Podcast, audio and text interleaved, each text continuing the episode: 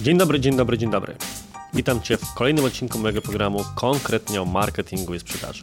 I dzisiaj ponownie, konkretnie porozmawiamy sobie o tak zwanych stronach lądowania, tudzież landing page'ach, aczkolwiek jednocześnie trochę o stronach ofertowych.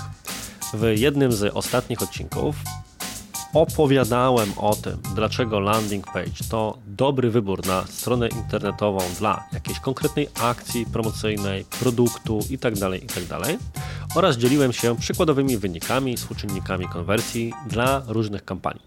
I był to taki odcinek wprowadzający, którego celem było właśnie wprowadzenie w temat i ewentualne prezentowanie go czy przegadanie w zespole, żeby zastanowić się na to, czy landing page jest czymś, co możemy w swoich działaniach marketingowych i sprzedażowych wykorzystywać.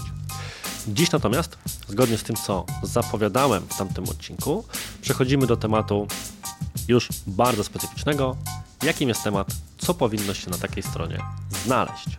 Zaczynajmy.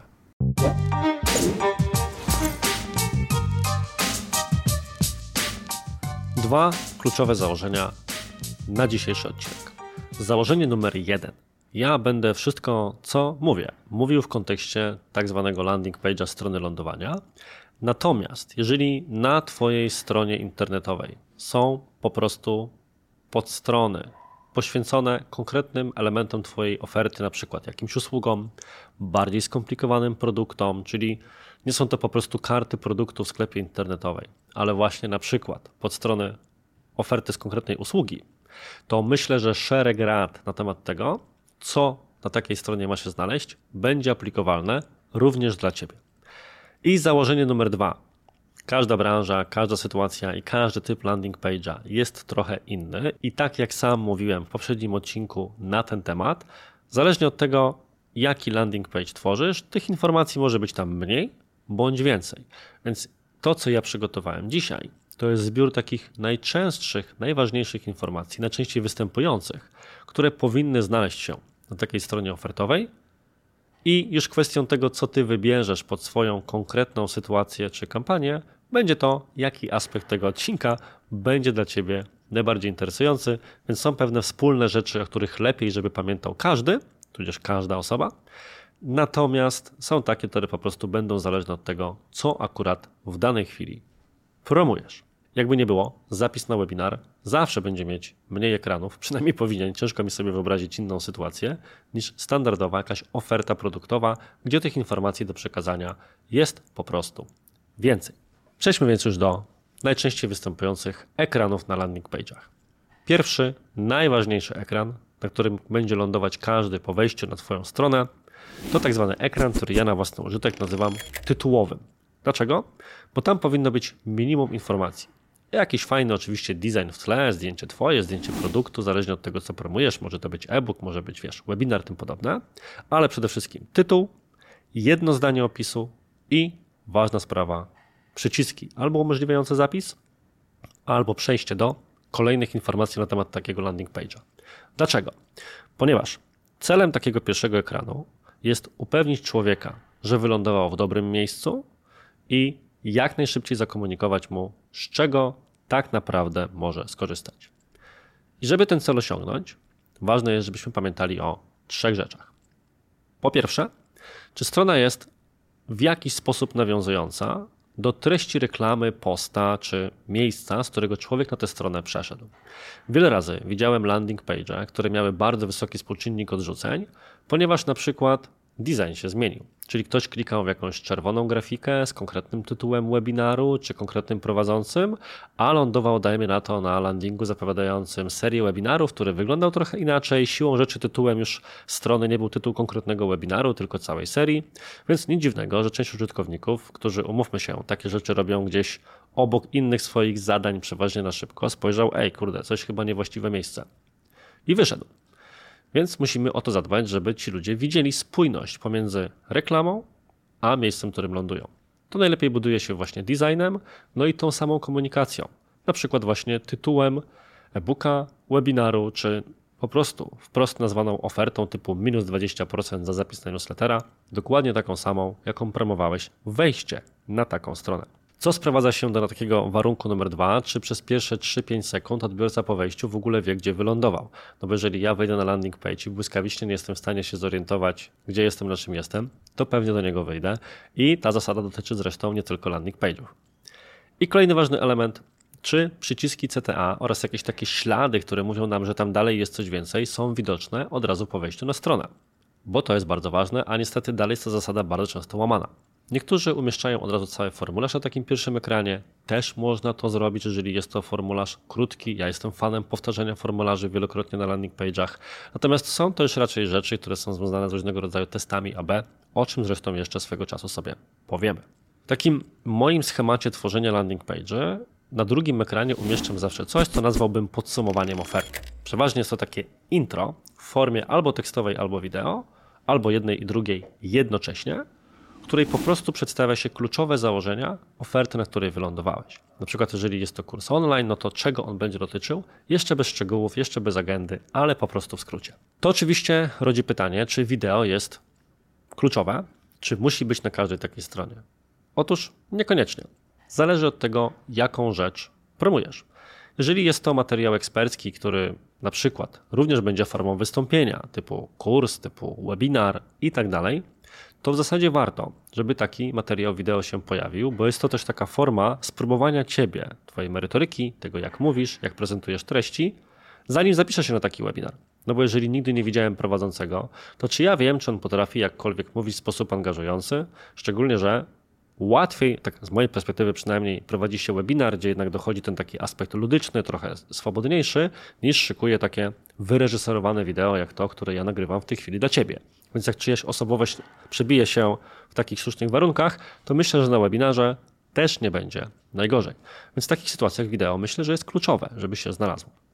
Natomiast kwestią bardziej testów AB pomiędzy wersją z wideo czy nie i co za tym idzie konkretnych przypadków jest to, czy zwiększy to na przykład skuteczność o kilkadziesiąt procent. Nie mam takich wyników, nigdy mi się nie udało aż tak spektakularnie zwiększyć skuteczności w wyniku wideo, więc jeżeli nie możesz pozwolić sobie na taki materiał, to myślę, że możesz spokojnie go odpuścić. Zwłaszcza, że nie będziemy szykowali też materiału wideo zapowiadającego rabat za zapis dla newslettera. O ile będziemy promowali jeden konkretny produkt, no to siłą rzeczy taka recenzja, unboxing, coś podobnego by się przydało. Jeżeli prostsze rzeczy, to nie. Zdajmy się więc tutaj na logikę.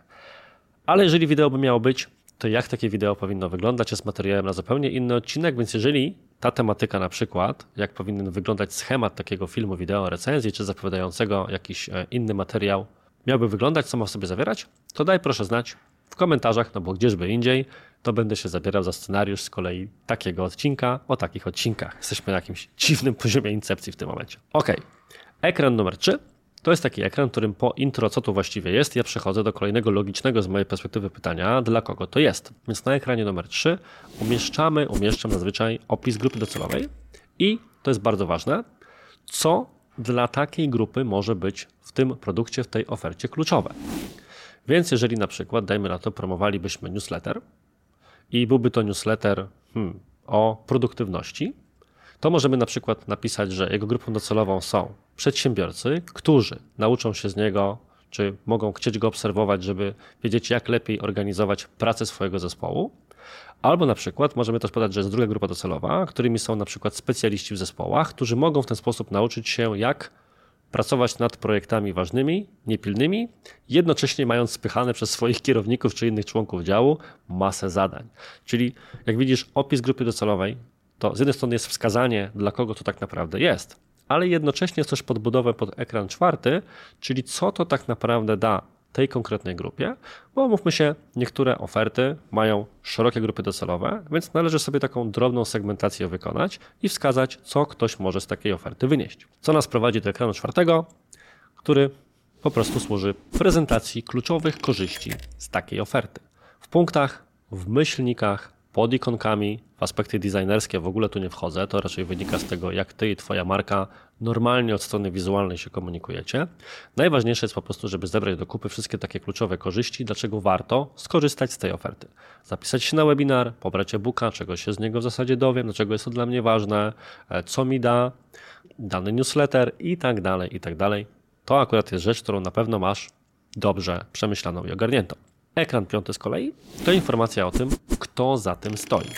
Więc o ile na przykład w newsletter, prośbie o zapis i uzyskanie rabatu w sklepie internetowym niekoniecznie trzeba teraz rozpisywać, czym się taki sklep zajmuje. O tyle ponownie, kiedy mówimy o segmenty usługowe, eksperckie i tak to jest tak najbardziej ważna informacja. Więc kilka słów o firmie, kilka słów o organizatorze wydarzenia. To jest ten moment, żeby go wykazać. I tutaj taka moja rada, która zresztą też często przewijała się w odcinkach poświęconych ofertom sprzedażowym i generalnie języku korzyści, nawet kiedy podajesz fakty o sobie, to podawaj je w taki sposób, żeby jednocześnie przeramować się na korzyść dla klienta. Więc jeżeli piszesz, że masz 30 oddziałów w całej Polsce, to napisz, dlaczego ten fakt powinien mi obchodzić, co mi to daje. Czy dzięki temu na przykład dostawy od ciebie idą szybciej, no bo mówimy o jakimś przy okazji centrach logistycznych czy innych rzeczach, albo czy jeżeli masz 50 specjalistów na pokładzie, to co mi to daje? Czy oni się po prostu wymieniają często wiedzą? Więc zwróć uwagę, że nawet pisanie o sobie można sprowadzić do jednocześnie mówienia, jak my możemy spełnić potrzeby klienta. Ale to temat na zupełnie inne odcinki, które przy okazji może gdzieś tutaj podlinkujemy, bo często ten temat na kanale się przewija. Wreszcie ekran szósty. Kto już z tego korzysta? Czyli wszelkiej maści dowód społecznych, który występować może na kilka sposobów. Pierwsza oczywiście logotypy firm, e, które już z nami na przykład pracowały, czy opinie klientów, którzy już z nami pracowali, czy opinie osób, które właśnie już skorzystały z tej oferty wcześniej. Tutaj bardzo ważna sprawa, szczególnie w kontekście e, firm B2B, żeby nie dać się takiej pokusie umieszczania wyłącznie referencji, opinii czy wyników, jeżeli to będzie na przykład case study na, na stronie ofertowej, wielkich firm, rozpoznawalnych firm, tuzów branży. Bo Często jest na przykład tak, że Twoja firma generalnie pracuje ze średnim i małym biznesem, masz kilka wyjątkowych kontraktów z dużym biznesem i teraz głównie je pokazujesz na stronie. I ja to rozumiem, to jest tak zwana strategia księżyca, strategia, czy tak zwany, przepraszam, tak zwany efekt Sinatry, który mówi nam, że, bo to jest taki cytat z Franka Sinatry, z piosenki e, New York, New York bodajże, if I can make it there, I'll make it anywhere. Jeżeli udało mi się tu, uda mi się wszędzie i generalnie pisałem o tym kiedyś na swojej stronie, polecam wpis o efekcie Sinatry, że to jest takie udowadnianie komuś, że zobacz, skoro udało mi się z wielką marką X, to twojej marce Y, która jest mniejsza, też dam radę pomóc. I czasami to tak działa, ale łatwo jest z tym przegiąć, bo z drugiej strony ktoś, kto wejdzie na taką stronę, zobaczy tylko tuzów, stwierdzi, gdzie ja mały żuczek, mam w ogóle z tego korzystać, wysyłać zapytanie, to pewnie nie jest dla mnie. Więc warto postawić na taki zdrowy miks faktycznych reprezentantów swojej grupy docelowej, a nie tylko wielkich marek, którymi logotypami każdy chciałby śledzić, świecić, a potem się okazuje, że robił tam jakiś fragment, niekoniecznie imponujące zadania, ale to już temat na zupełnie inną okazję i pewnego rodzaju nadużycia ze strony różnego rodzaju agencji marketingowych. To, co możesz w takim miejscu też umieścić, no bo też nie każdy może na przykład umieszczać logotypy czy coś tam, to są różnego rodzaju kwestie występów w mediach, typu w jakich portalach publikowałeś, czy publikował na przykład ekspert, który występuje, gdzie was cytowano, z kim współpracujecie, na przykład jakimi członkami jakich stowarzyszeń branżowych ktoś jest i tak dalej, no bo nie zawsze będziemy pojedynczego eksperta pozycjonowali tylko w kontekście firm, dla których pracował. I wreszcie Kolejne ekrany to oczywiście oferta zasadnicza, więc tutaj prezentacja oferty, możliwość kupienia, możliwość zapisania się, generalnie formularz kontaktowy, wezwanie do działania, kup, zapisz się itd. Tak Podobno im krótszy formularz, tym lepszy. Natomiast uwaga, nie przesadź z tym. Im krótszy formularz, tym na pewno więcej wypełnień. Natomiast jeżeli mówimy tutaj na przykład o pozyskiwaniu lidów, to warto się zastanowić, czy taki formularz nie powinien zawierać jednak trochę więcej pól. Jednym polem na pewno będzie imię, nazwisko, drugim na przykład adres e-mail, trzecim czasami numer telefonu, jeżeli jest to oferta, na którą lepiej zadzwonić, ale być może przyda się jeszcze firma, w której też pracuje, branża, którą reprezentuje, chociażby jako rozwijane menu. A może warto w takim formularzu umieścić jeszcze pytanie, na przykład jeżeli będzie to oferta, dajmy na to leasingowa, w jakim czasie zamierzasz z takiej oferty skorzystać. My często, kiedy robimy kampanię na przykład dla branży moto, to właśnie takie pytanie w formularzach kontaktowych zadajemy, typu jaki masz budżet i tak dalej. Co za tym idzie? Wypełnionych formularzy jest mniej, ale z tych wypełnionych osób realnie zainteresowanych jest kilkakrotnie więcej, a właśnie o to chodzi. Bo tak wypełnić sobie formularz i niech tu do mnie dzwonią, niech mnie bawią, to prawie każdy może sobie robić i niektórzy mają chyba za dużo czasu, szczególnie kiedy mówimy o automatycznych formularzach facebookowych i w taki sposób je sobie wypełniają. Więc zastanów się właśnie, czy ty powinieneś w swoim przypadku tego, co będziesz promować, korzystać z tego krótkiego formularza, bo jest to e-book, bo jest to webinar i nie potrzebujesz takich informacji, chyba że potrzebujesz, czy jest to bardziej skomplikowana oferta i lepiej jednak mieć tych pól odrobinę więcej, nie idź za najbardziej oczywistymi radami, które każą zawsze formularze skracać. A drugi bardzo ważny element to można by było powiedzieć, że taki landing page przeważnie odpowiada na pytania, na pytania strategiczne, którym kiedyś poświęciłem osobny odcinek. Dlaczego to? Dlaczego ty? Dlaczego teraz? Więc mamy tu pytanie, dlaczego to? Czemu ta oferta jest ważna? Dlaczego ty? Czy dlaczego od ciebie też powinien go, z niego skorzystać? Ale na takim landing page'u warto jeszcze zaadresować pytanie, dlaczego teraz? Czy jest to oferta ograniczona czasowo? Czy jest to jakaś limitowana edycja? Czy będzie to zaraz i później się nie powtórzy? Jest ileś sposobów, żeby to stwierdzić. W jednym ze sklepów internetowych znalazłem kiedyś fenomenalny przekaz, gdzie po prostu pojawiła się limitowana edycja płaszcza i na karcie produktu bardzo prosty napis. Dla każdego rozmiaru odszyliśmy tylko trzy sztuki. No i to jest, jakby nie było, zaadresowane od razu, dlaczego akurat teraz masz z tego skorzystać, no bo kurczę, zaraz zabraknie, i nie będzie. Więc pomyśl na takim landing page'u poprzez liczniki, wyskakujące okienka, inne rzeczy, również takich informacji kontekstowych, do czego akurat teraz i nie warto zwlekać, nie powinieneś, nie możesz w jakiś sposób zaadresować. Ostatnim takim checkiem, jeżeli chodzi o wersję, czy jeżeli chodzi o kwestie designerskie, to oczywiście jest sprawdzenie po tym, jak to wszystko zostanie zaprojektowane i umieszczone, czy taka strona dobrze prezentuje się w wersji mobilnej. Czasami jest tak, że trzeba będzie to, będzie to wymagało odpowiednich zmian, ale dobra wiadomość jest taka, że jeżeli korzystasz do tworzenia landing page z różnego rodzaju generatorów czy narzędzi zewnętrznych, to bardzo często one po pierwsze najpierw automatycznie tworzą taką wersję mobilną, a ty możesz niezależnie od designu strony głównej trochę tam pozmieniać, poprzesuwać elementy, pododawać, coś rozszerzyć i tym podobne. Więc to, że tak powiem, tego wątku nie będę rozwijał. Natomiast wątek, nad którym jeszcze chciałem się chwilę zastanowić, to są aspekty techniczne. Bo ileż to razy ja widziałem już przygotowaną w pocie czoła zapewne kampanię opartą o landing page, puszczoną świat, promowaną nawet za pieniądze w różnych kanałach, a nie było tam żadnej analityki, żadnych kodów śledzących i jeszcze kilka innych utrudniających korzystanie z tej strony albo obniżających zaufanie do niej rzeczy. Więc ja zapisałem sobie cztery elementy. Pierwszy element to analityka właśnie, czyli upewnienie się, że na takim landing page'u znajdują się wszystkie nasze kody śledzące. Google, Facebook, Twitter, Google Analytics. To po pierwsze, czyli wszystko, co pozwoli nam później uruchomić remarketing, ale również, że będzie ustawione tak zwane śledzenie zdarzeń i konwersji żebyśmy później widzieli, czy największe wyniki ten landing page wygenerował poprzez Google czy poprzez Facebooka. Jeżeli tematyka kodów śledzących jest Ci bliska, to zachęcam do obejrzenia tego odcinka na moim kanale, który mówi właśnie o kodach śledzących i o tym, co powinieneś w konkretnej kampanii mieć. Gdzieś go tutaj standardowo jeszcze podlinkujemy, żebyś mógł się tam albo mogła szybko przenieść. Po drugie, kwestia domeny.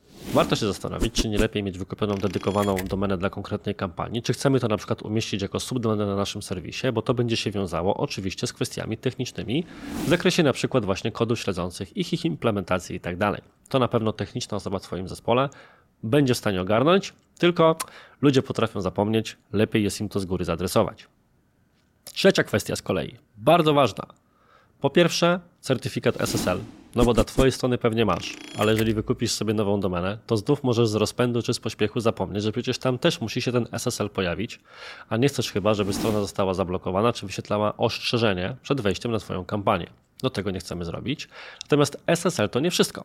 Jeżeli chodzi o takie elementy designu na stronie internetowej, to warto jeszcze zadbać o różnego rodzaju sygnały potwierdzające, że warto takiej firmie zaufać. Jesteś członkiem jakichś stowarzyszeń, Pomyśl logotypy jakich. Masz jakieś certyfikaty dla e-commerce typu Trusted Shop czy tak dalej? Wrzuć je. Masz dobre wyniki średnich na Google Mapie i tym podobne. Zrób screena, chociażby samych gwiazdek i tego, czy wychodzi to 4,9 czy inaczej, też dodaj. Pamiętaj, że ten landing page zobaczą nie tylko osoby, które Cię kojarzą, ale pewnie w przeważającej większości takie, które Cię nie znają. Więc o ile nie będziemy teraz umieszczali 50 slajdów o tym, jaka Twoja firma jest wspaniała, o tyle takich prostych stempli rozpoznawalnych tego, że to jest godna zaufania organizacja, możemy jak najbardziej trochę pododawać. I wreszcie ostatni aspekt techniczny to jest taka dobra kontrola wyglądu na urządzeniach mobilnych, tego jak strona się wyświetla i czy się szybko ładuje. No bo jakby się, jak to się zwykło mówić, im wolniej się strona ładuje, tym bardziej człowiekowi pod łbem paruje i będzie się denerwował po tym, jak na taką stronę wejdzie i tego celu strony nie zrealizuje. Natomiast żarty na bok, na pewno warto przetestować wszystkie możliwe automatyzacje i to przez kilka osób na kilku urządzeniach bo Twoja strona prawdopodobnie pod taką opieką techniczną przeważnie jest, natomiast landing page funkcjonują troszkę obok głównego nurtu, więc trzeba to zrobić ręcznie. E, są na przykład narzędzia, które mają problemy z wyświetlaniem mm, wyglądu zawartości na niektórych urządzeniach po tym, jak ktoś wejdzie z Facebooka. Jest to problem nie do przejścia. Musisz zobaczyć, czy u Ciebie będzie występował. Są na przykład czasami problemy komunikujące z konkretnych sieci. E, nie chcę tu nikogo szkalować, więc nie będę podawał ani nazwy sieci, ani narzędzia, ale miałem wielokrotnie właśnie do czynienia z sytuacją, w której po wejściu na landing page stworzony w konkretnym generatorze z urządzenia w konkretnej sieci, to w tym momencie strona nie działała. Na każdej innej działała, a w tej konkretnej nie działała. Takie sytuacje się zdarzają. Więc wtedy trzeba po pierwsze umieć to szybko zdiagnozować, a po drugie być w stanie wtedy zaadresować to do twórców narzędzia, czy gdziekolwiek indziej, żeby mieć pewność, że wszystko jest w jak najlepszym porządku. Oczywiście do tego dochodzą jeszcze wszystkie kwestie prawne. Czy formularze mają wszystkie wymagane zgody oraz coś, co jest często pomijane na landing page'ach, czy mamy politykę prywatności, cookies i stosowne banery z tym związane. Bo znów, na głównej stronie ktoś to dawno ogarnął, więc już o tym nie pamięta i nie myśli tak, projektując jakieś na przykład poszczególne widoki czy podstrony, a tu mamy landing page czasami na osobnej domenie i to wymaga odpowiednich zapisów i tak dalej. Akurat do bycia prawnikiem się e, nie do bycia sprawnikiem nie aspiruję, więc ten temat mocno się nie wdaje, ale anonsuję, że na pewno warto po prostu uderzyć do odpowiednich osób, żeby to również mieć ogarnięte. I wreszcie ostatni wątek, który chciałem poruszyć, to jest wątek strony podziękowania za zapis. Dlatego, że mam wrażenie, że większość firm trochę marnuje potencjał. Są bowiem możliwe dwa scenariusze. W scenariuszu numer jeden klikasz potwierdzenie na samym końcu jakiegoś formularza i po prostu pojawia się komunikat hej, hej, dzięki. W stronie numer dwa, niczym w sklepie internetowym po zakupie, lądujesz na osobnej stronie, która mówi ci to samo. Hej, dzięki, że pobrałeś materiał, kupiłeś coś, skorzystałeś z oferty. I to jest miejsce, które możesz dodatkowo wykorzystać dla swoich własnych celów promocyjnych. Bo po pierwsze, możesz tam umieścić jakieś komunikaty, a po drugie, oczywiście jeszcze pewnie będziesz wysyłać maila potwierdzającego właśnie taki zapis, bo wypadałoby, żeby człowiek na pewno się miał pewność właśnie, że coś takiego, że wszystko poszło jak należy. I w tych miejscach możesz umieścić na przykład kolejne promocje. Mam też cały odcinek poświęcony tak zwanej mechanice one-time offer, do której tu Cię odsyłam i którą właśnie w takich wypadkach się stosuje. Ale równie dobrze możesz po prostu informować o kolejnych promocjach. Możesz zachęcić do obserwowania Cię w mediach społecznościowych. Skoro tutaj już się zapisałeś na naszą rzecz, to bądź z nami na bieżąco. Możesz w tym momencie zaprosić do wizyty na Twoją stronę główną. Hej, hej, hej, to jest taka nasza jednorazowa oferta czy akcja, a zobacz, czym ogólnie się zajmujemy. Albo zachęcić do dowolnej innej marketingowej czy dowolnej innej aktywności, na której Ci właśnie w tym momencie zależy. Więc pamiętaj, żeby skupiając się nad tym, jak wygląda sam landing page promujący coś, nie zaniedbać tej dodatkowej warstwy promocyjnej, którą daje Ci właśnie strona podziękowania za zapis, potwierdzenia zapisu, jak zwał, tak zwał. I to tyle w dzisiejszym odcinku. Mamy więc już temat landing page, myślę, ogarnięty zarówno od strony po co, na co, do czego z odcinku poprzednim, jak i od strony czysto wykonawczej, co powinno się tutaj znaleźć od strony designu po aspekty techniczne i parę innych. Mam nadzieję, że będzie to dla Ciebie odcinek przydatny i że będzie stanowił swoistą checklistę, od której będziesz mógł się odbić za każdym razem, jak trzeba będzie upewnić się, że wszystko na naszym landing page'u zostało z góry zaplanowane i przemyślane. Jak wiadomo, procesy w takich wypadkach, listy kontrolne są kluczowe. Bardzo dziękuję Ci za uwagę. Do zobaczenia w kolejnych odcinkach, w kolejnych tygodniach i cześć.